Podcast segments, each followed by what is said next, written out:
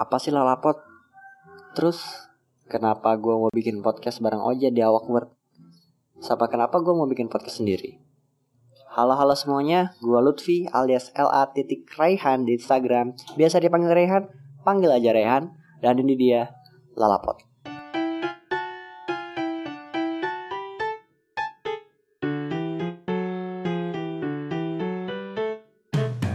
Jadi kemarin tepatnya dua hari yang lalu gue udah bikin pertanyaan question di Instagram dan gue minta bantuan kalian semua buat nanyain ke gue apa aja yang pengen lo tahu soal seorang Lutfi. Dan kenapa gue baru bisa rekaman sekarang tanggal 1 Juni? Karena gue baru sampai di kampung gue. Kampung gue tuh di daerah Jambi, tepatnya Kerinci. Kalau ada yang tahu Gunung Kerinci, nah situ kampung gue. Dan karena gue ngerasa bakal gabut karena saudara gue baru datang satu, jadi gue bakal bikin rekaman dulu sambil nungguin mereka. Dan gue baru denger podcastnya Ojan di Bazodot Podcast. Eh, sorry, Bazodot Radio. Dia mengaku ini radio bukan podcast. Bazodot Radio dan dia menggunakan perkenalan dulu sebagai awalnya. Dan gue mikir, kenapa gue gue kenalan juga ya awkward? Kenapa gue langsung curhat soal wota? Jadi gue sekalian aja di episode 2 ini gue bahas kenapa namanya Lalapot. Terus apa sih yang pengen gue lakuin di podcast ini? Lalapot itu untuk mencari sudut pandang lain dari pemikiran orang tentang sesuatu gitu. Jadi kalau Ojan mau ngebahas yang general-general, gue ngebahas yang personal-personal. Tapi personalnya itu personal dalam personal. Juga kenapa namanya Lalapot? Karena diambil dari tujuan itu. Lalapot itu kan diambil dari kata lala sama podcast. Dan lala itu diambil dari selain nama gua yang inisialnya L A R jadi gua ambil di L A. Dan lalala itu kayak orang yang gak mau peduli gitu pikirannya. Kayak lala lala gua nggak peduli gitu. Dan gue mikir karena lalala ini konsepnya kayak orang gak peduli bisa dong gua bikin kayak ini podcast tentang ketidakpedulian orang terhadap dunia luar. Dia cuma peduli sama dirinya sendiri dan komunitasnya sendiri.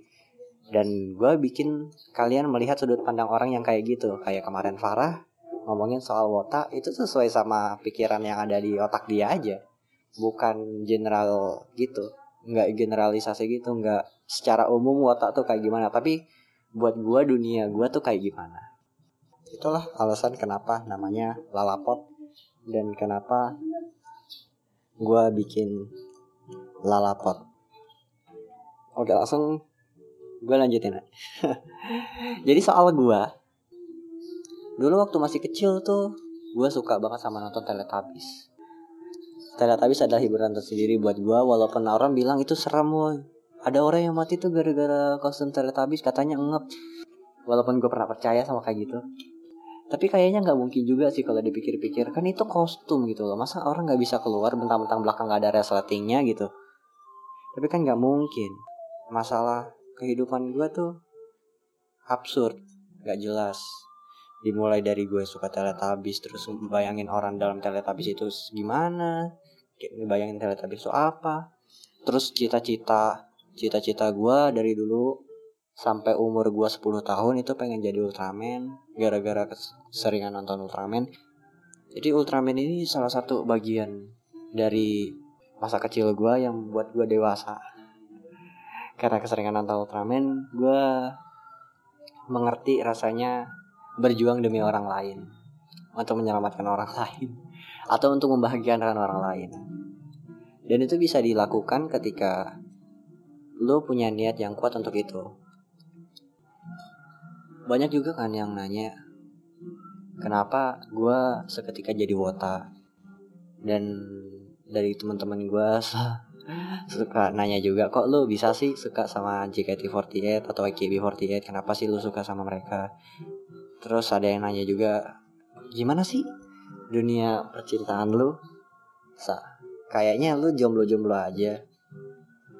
Emang separah itu apa gue senyenas itu apa gue ya, jadi gue bahas dulu dari pertama.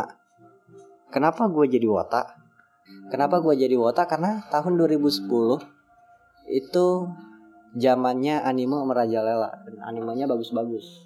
Kayak Death Note habis itu ada Naruto.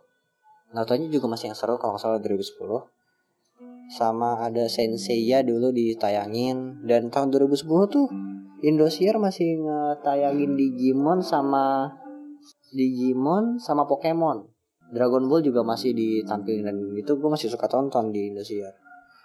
Jadi karena gue suka nonton itu gue penasaran mau nonton episode-episode selanjutnya gitu kan kita nonton Naruto di Indosiar tuh baru season 4 di mana nggak bosenin-boseninnya sedangkan kalau udah di YouTube atau di beberapa situs streaming lainnya itu tuh udah nyampe si Puden. Jadi gue nontonnya di YouTube ataupun di media-media streaming. Dan berkat itu waktu itu gue lagi nonton YouTube dan gue karena suka Jepang-Jepangan gue dengerin lagu openingnya Naruto dong dengerin lagu openingnya Naruto wah enak nih. Terus denger dengar terus kayak lagunya Ikimono Gakari yang Bluebird terus lagunya Flow yang Go. Itu kan lagunya bagus-bagus dan asik-asikan. Jadi seketika gue dengerin J-pop gitu dan ada rekomendasi AKB48 gue lihat dong AKB48 yang apa ya itu? Apa ya gue lupa kalau nggak Ogoe Diamond itu heavy rotation dan seketika gue kepincut bukan sama MV-nya tapi gue suka sama lagunya. Ya udah gue mendengarkan AKB48 dan gue jadi dengerin Aita Kata heavy rotation sampai gue ngikutin ke zaman Kokoro no Placard sama uh, Koizuru Fortune Cookie sampai akhirnya tahun 2015 Kiboteki Refrain gue udahan karena gue nggak terlalu update masalah Jepang. Gue tinggal di Indonesia nggak mungkin gue sampai ke Jepang. Jadi tahun 2015 itu adalah masa kewotaan gue karena di 2015 juga gue suka sama JKT48 walaupun gue tahu JKT48 tuh ada dari tahun 2011 tapi gue nggak suka nggak terlalu suka sih bukan nggak suka nggak terlalu suka sama JKT48 di tahun 2011 jadi gue mulai kepincut JKT48 tahun 2015 itu masalah dunia otak gue terus si Kevin nanya di at cxvoo underscore kapan pensiun? Nah ini gue ngerti nih. Gue yakin dia nih pengen nanya kapan gue pensiun dari dunia peridolan ini? Gimana ya gue pernah pensiun dari tahun 2015 waktu Andela graduation. Ya mungkin lu bisa cari aja Andela Yuwono atau siapa. Lu dia graduation terus gue pensiun tiga tahun tuh. Jatuhnya vakum sih tapi gue udah gak bener-bener gak ngikutin JKT48 AKB48 gue udah gak ngikutin. Tapi walaupun gue masih follow eh masih nge-add ininya masih nge-add OA AKB48 makanya waktu gue masuk ke SMA ketemu sama Farah dia ngeliat HP gue lagi buka HP dan ada notif dari OA AKB48 makanya dia nanya Kapan lu suka EKB? Ya gue sebut dong semenjak gue suka sama Jurina Karena Jurina adalah osi pertama gue Dan gue bilang dong. Kan gak salah gitu loh.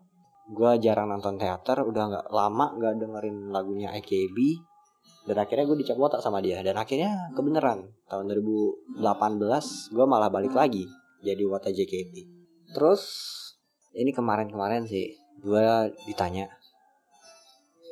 Kok lu ini sih?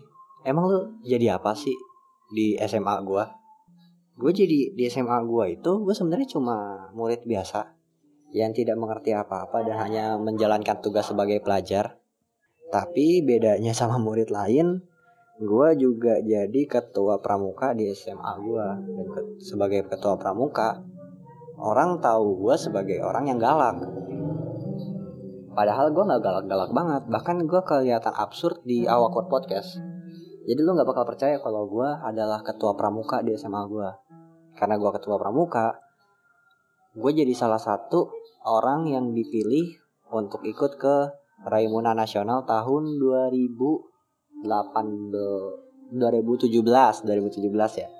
Jadi gue masuk ke Raimuna tahun 2017 terus lanjut lagi jadi ketua dan di ketua itu gue dikenal sebagai sosok yang bisa galak bisa absurd bisa receh bisa nggak jelas. Itu ada namanya di ekskul lain gue di kayak dianggap kayak gitu. Nama ekskulnya itu media komunikasi medcom. Dan si Dwi di Dead School underscore 19 nanya suka dan duka terbesar di medcom itu apa? Dan saran buat angkatan 32 yang gue tahu SMA gue sekarang baru angkatan 31 jadi gue nggak bisa buat saran buat angkatan 32 gue sukanya di medcom. Kejadian suka paling besar gue di medcom itu ketika gue bikin film. Walaupun banyak yang gak jadi. Gue sering bikin film dari memorandum nilai. Waktu itu juga ada dua film yang gak, gak jadi dibikin. Kenapa gue bilang? Gue sukanya waktu bikin filmnya bukan pas suka pas lagi ngumpul atau lagi diskusi. Saya kita tuh lebih kelihatan erat ketika kita lagi bikin film. Kita bikin film tuh nggak cuma buat bikin film, tapi juga buat quality time, buat bareng anggota-anggotanya. Kita ngobrol, kita hunting foto bareng. Padahal itu niatnya cuma buat syuting, padahal kita main jauh-jauh. Kayak kita mau syuting nih hari ini, eh syuting yuk. Terus seketika, ya udah ayo, nanti kita malah ujung-ujungnya ngobrol. Ya kita juga sering kan nanti foto bareng itu jadi salah satu kenapa gue suka banget di Medcom dan gak bisa ngelepasin bayang-bayang Medcom dari masa SMA gue dan satu lagi duka terbesar gue di Medcom. Duka gue terbesar di Medcom tuh karena perbedaan pendapat yang bikin gue berantem sama teman-teman gue itu sih kayaknya. Jadi di Medcom ini kan ada kru kan. Nah krunya ini itu dekat banget sama gue kayak si Farah Ojan juga itu teman-teman gue di Medcom. Dan waktu itu gue sempat berantem nih sama Farah. Gara-gara gue bikin film tapi dia nggak mau karena kan dia ketuanya tapi karena dia waktu itu keperas kepala juga lagi nggak mau bikin film nggak mau bikin film buat adik kelas. Katanya belum siap. Tapi gue mikir dong gimana mereka bisa siap kalau mereka aja nggak dikasih kesempatan ya udah gue bikinin dong mereka film tanpa tanpa sepengetahuan Farah. Ya ini salah sih guanya juga. Dan akhirnya terjadilah tuh cekcok gue sama Farah beserta teman-temannya Farah. Dan akhirnya hubungan pertemanan gue retak di situ kita nggak ngomong kita perang dingin. Tapi akhirnya gue bisa baikan lagi sama dia. Makanya lu bisa mendengarkan teleport episode pertama. Habis itu ada yang nanya lagi description dong uh, mohon maaf ya yang buat description nggak gue jawab. Karena kan gue minta pertanyaan buat dijadiin podcast bukan bukan description orang gitu. Masa gue bilang kamu tuh orangnya cantik baik. Kan nggak mungkin gue bilang gitu. Habis itu dari M. Satya Ramadan kenapa nggak basket lagi? Bukan nggak basket bang. Saya masih basket. Tapi gue nggak tahu kapan mau main basket lagi karena kan sekolah gue lumayan jauh. Dan gue juga orangnya mageran. Jadi kalau gue mau basket ke sekolah gue nggak bisa datang tepat waktu gitu loh. Gue udah nyampe kali lu udah pada capek. Jadi daripada gue akhirnya cuma gabut doang situ yang mending gue nggak usah datang dong. Gitu. Nah ya Davita. Kuliah di mana kok koko saya belum kuliah. Baru mau kuliah tahun ini dan rencananya doain aja gue bisa masuk di universitas universitas ternama universitas negeri yang ternama di Indonesia dengan jurusan-jurusan yang bagus. Amin. Ini ada yang nanya juga ke soal dunia percintaan gue kenapa anda dulu bisa jadian sama yang di SMP yang berkacamata yang sekarang di 105 gue spill gue pacaran sama dia itu kelas 8 kelas 8 gue pacaran sama dia. Dan kenapa bisa pacaran? Karena gue baru putus jadi ceritanya gue baru putus dan gue kayak gimana ya? Gue baru putus terus dia ngechat gue awalnya ngechat cuma gara-gara basket dong karena waktu SMP gue senior basket juga. Jadi gue sama gue dia nanya gue terus akhirnya gue ngobrol tuh sama dia. Gue ngobrol lama-lama gue ngerasa oh ini orang juga bisa encourage gue bisa bikin gue nyaman gitu. Ya karena namanya cowok ya nggak kuat sama orang yang bisa bikin nyaman. Nggak peduli mukanya cakep mau mukanya jelek kalau dia udah bisa bikin kita nyaman dia gue ngerasa dia baik ya gue jadian sama dia. Misalnya cewek-cewek yang dengerin podcast gue nih kalau lo mau cowok bikin dia nyaman. Bikin dia tertarik sama lo jangan jangan dia yang harus ter eh bener sih. Lu harus bikin cowoknya tertarik sama lu. Makanya ada cowok yang sukanya sama cewek cantik doang dan ada juga cowok yang peduliin perasaan nyaman kenapa cowok peduliin cantik? Karena dia tertarik sama lo. Wah ini orang cantik nih. Gimana ya? Tapi kalau dia udah tahu ini orang cantik tapi sifatnya jelek gitu. Kayak ya udah dia cantik doang. Gue udah gak tertarik lagi sama dia. Udah lu dijauhin. Tapi kalau lu berhasil bikin orang tertarik sama sifat lo, dia bakal ngegali lu terus dan akhirnya dia malah nyaman sama lo gitu loh. Jadi intinya kenapa gue bisa pacaran sama anak di SMP gue yang berkacamata dan sekarang ada di SMA 105 karena gue nyaman. Udah itu aja. BTW tadi pertanyaannya dari Pradipto underscore Jati ya. Makasih toh udah bikin gue agak baper. Terus dia bertanya lagi soal hubungan gue Kenapa tertarik sama dia sampai saat ini? Dia itu siapa? Dia itu banyak. Ada yang itu, ada yang ini, ada yang seperti jelly, ada juga yang seperti kuda ataupun kucing ataupun macan gitu. Gua kasih tahu nih. Kenapa gue bisa tertarik sama dia sampai sekarang ini? Dia yang sampai sekarang ini itu anak SMA gue, teman dekat gue, dan gue sempet deket sama dia.